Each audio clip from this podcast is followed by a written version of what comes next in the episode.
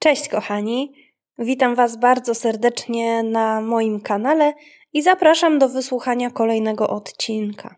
W ostatnim czasie liczba subskrypcji bardzo mocno wzrosła, dlatego ustaliliśmy z Michałem, że po przekroczeniu 30 tysięcy subskrypcji zorganizujemy kolejny pięciodniowy maraton kryminalny.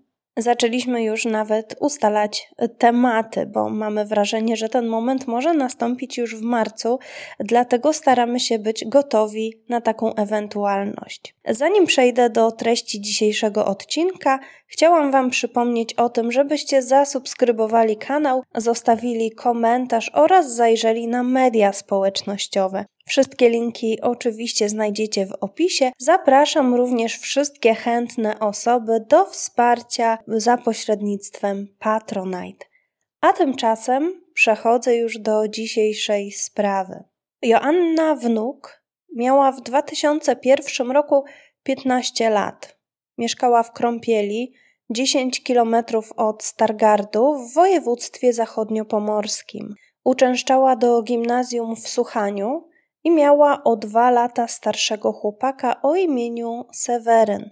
Seweryn mieszkał w pobliskim Żukowie. W maju 2001 roku para spotykała się już około pięciu miesięcy, byli ze sobą od stycznia 2001 roku.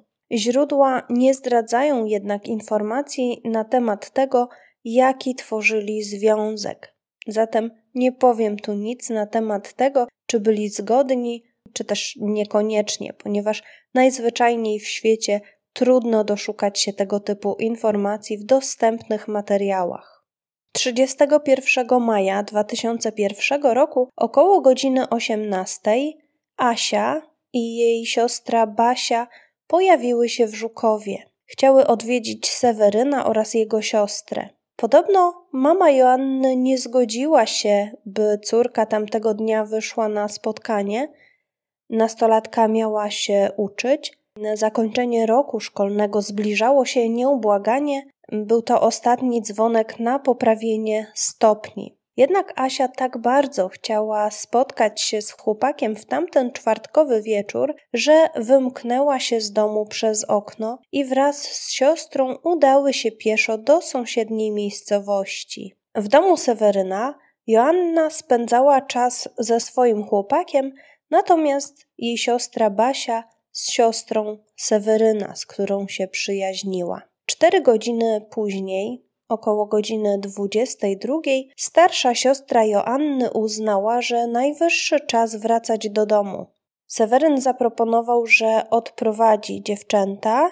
Rusz... Ruszyli więc we trójkę w kierunku Krąpieli. Mieli do pokonania około 3,5 kilometra. Mniej więcej w połowie drogi między miejscowościami Joasia i jej chłopak zatrzymali się na przydrożnym przystanku autobusowym. Zajęli się sobą, nie zważając na to, że dziewczęta muszą już wracać do domu. Basia, nie chcąc przeszkadzać zakochanym, odeszła na bok, ale kiedy nieobecność siostry przedłużała się, powiedziała Joannie, że idzie do domu. Była przekonana, że Seweryn odprowadzi jej młodszą siostrę do domu. Z takim przekonaniem ruszyła w kierunku Krąpieli. Do domu dotarła około godziny 22.30. Po powrocie położyła się i zasnęła, nie czekając na powrót młodszej siostry. W tym czasie Joanna pozostała na przystanku ze swoim chłopakiem i miało tam między nimi dojść do stosunku seksualnego. Według Seweryna para Kochała się tam przez około pół godziny, zaraz po tym jak Basia ruszyła do domu. Około 22.45 zakochani rozstali się i Asia ruszyła w dalszą drogę do domu. Seweryn nie poszedł jej odprowadzić, choć miał to wcześniej obiecać Barbarze. Podobno przypomniało mu się wówczas, że musi wracać do domu, żeby nauczyć się na sprawdzian, który czekał go następnego dnia. Seweryn poszedł więc w swoją stronę, a jego dziewczyna w swoją. Joanna nie dotarła jednak do domu. i następnego dnia, w piątek 1 czerwca, nastolatka również nie zjawiła się w swoim domu. Zaniepokojona matka szukała jej, ale córki nigdzie nie było. Seweryn twierdził, że rozstali się w okolicy przystanku, mniej więcej w połowie drogi, którą Asia miała do pokonania. Pani Wanda wnuk oraz jej sąsiedzi i znajomi rozpoczęli więc poszukiwania dziewczyny na trasie, którą wracała do domu Joasia. Sprawdzano łąki, pola oraz lasy, ale wszystko to na nic. Żadna z koleżanek Joanny również nie wiedziała, co może się z nią stać. Ustalenie miejsca jej pobytu nie powiodło się, dlatego w sobotę 2 czerwca 2001 roku pani Wanda Wnuk zgłosiła na miejscowym komisariacie zaginięcie córki. Do poszukiwań dziewczyny przyłączyli się nie tylko policjanci, ale również mieszkańcy oraz straż pożarna. Mama Joasi wspomina, że nie były to jednak duże poszukiwania, jeśli brać pod uwagę liczbę osób biorących udział w tych działaniach. Przystąpili do nich głównie szkolni koledzy Asi oraz ich rodziny. Z uwagi na to, że teren poszukiwań był bardzo trudny, wiele hektarów pól, łąki, lasy, nie było łatwo znaleźć cokolwiek i przez kolejne dwa tygodnie prowadzono intensywne poszukiwania w terenie.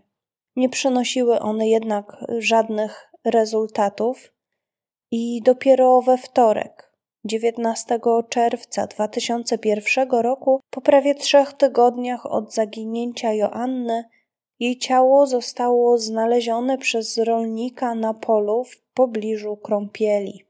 W chwili odnalezienia ciała Asia miała na sobie czarną spódnicę mini, białą bluzkę z krótkim rękawem. Nigdzie natomiast nie można było znaleźć jej majtek oraz kurtki. Nie ma wątpliwości co do motywu tej zbrodni. Dziewczyna została przed śmiercią zgwałcona, a po fakcie uduszona.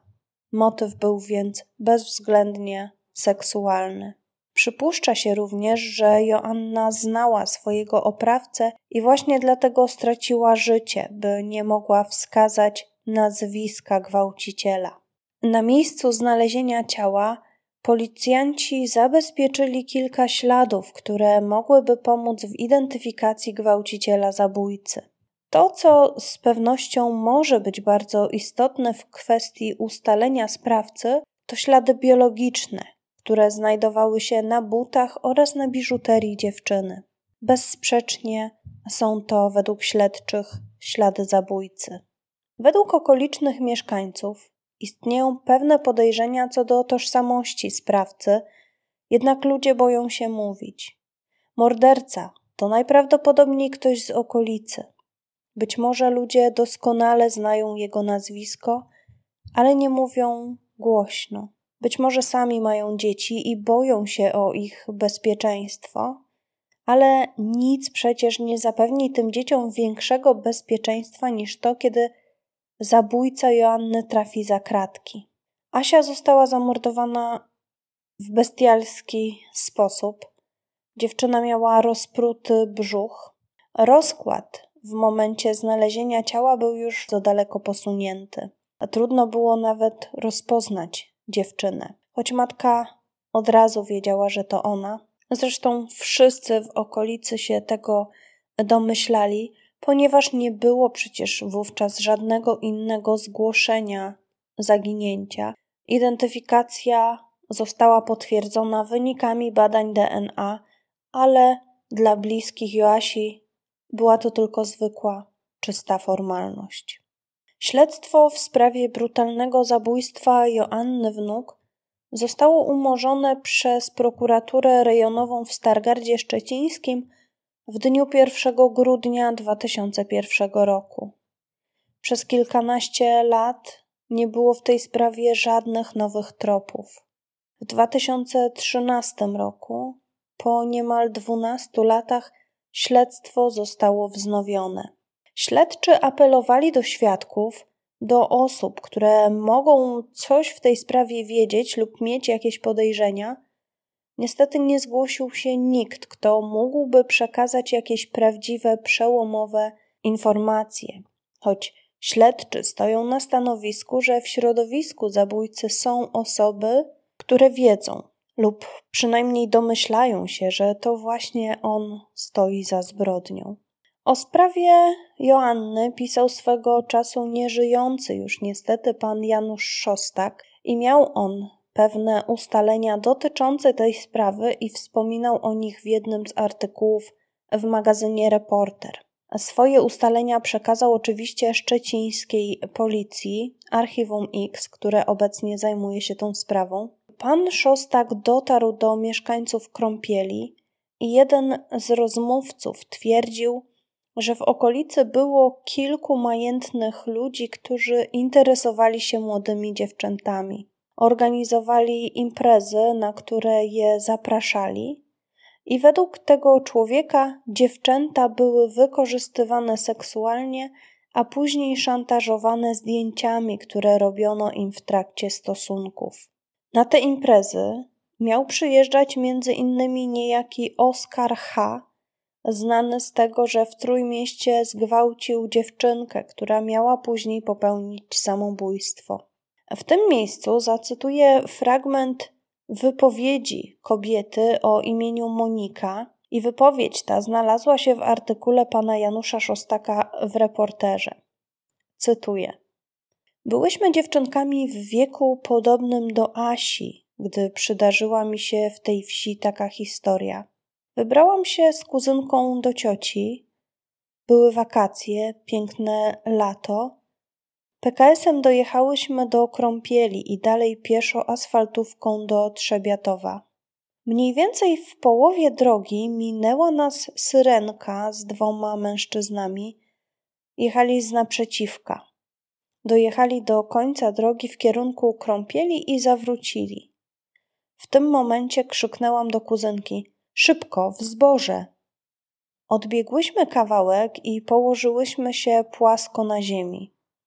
Oni zatrzymali się, jakiś czas czekali, wypatrywali nas, w końcu odjechali. To było przerażające. Być może to to samo pole, na którym znaleziono Asię. Koniec cytatu. Inni świadkowie wskazywali wręcz na konkretną osobę, która mogła stać za tą zbrodnią.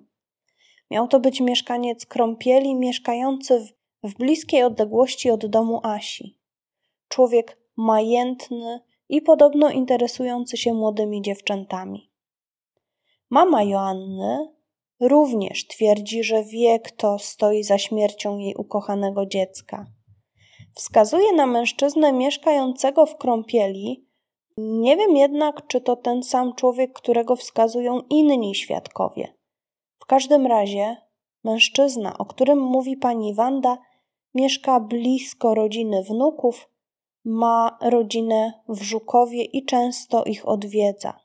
Mama Joanny uważa, że mężczyzna mógł wracać od krewnych i spotkać wracającą samotnie Joannę a następnie wykorzystać sytuację. Pani Wanda dodaje, że zaraz po śmierci jej córki widziała tego człowieka, miał podrepaną twarz i szyję. Jednak według pani wnuk policjanci nie przesłuchali tego człowieka w śledztwie. Oczywiście nie mamy takiej pewności, ponieważ nie wszystkie policyjne czynności wychodzą na światło dzienne. Może również do tego człowieka dotarło archiwum X i został przesłuchany na późniejszym etapie. W tej sprawie jest jeszcze jeden bardzo tragiczny wątek. Otóż Joanna została zamordowana w dziewiętnastą rocznicę śmierci swojego brata, który zmarł jako noworodek. Chłopiec udusił się w czasie porodu 31 maja 1982 roku. Asię zamordowano również 31 maja, 19 lat później, w 2001 roku. W sprawie zabójstwa Ewelinki Skwary było podobnie. Ewelina została zamordowana w rocznicę śmierci swojej siostry bliźniaczki. I takie zbiegi okoliczności są naprawdę przerażające, o ile oczywiście to tylko zbiegi okoliczności. I to już wszystko w tej sprawie. Jeśli chodzi o fakty w sprawie zabójstwa Joanny Wnuk, ale jeśli ktoś z moich słuchaczy, z moich widzów wie cokolwiek na temat zabójstwa Joanny, podzielcie się swoją wiedzą z policją.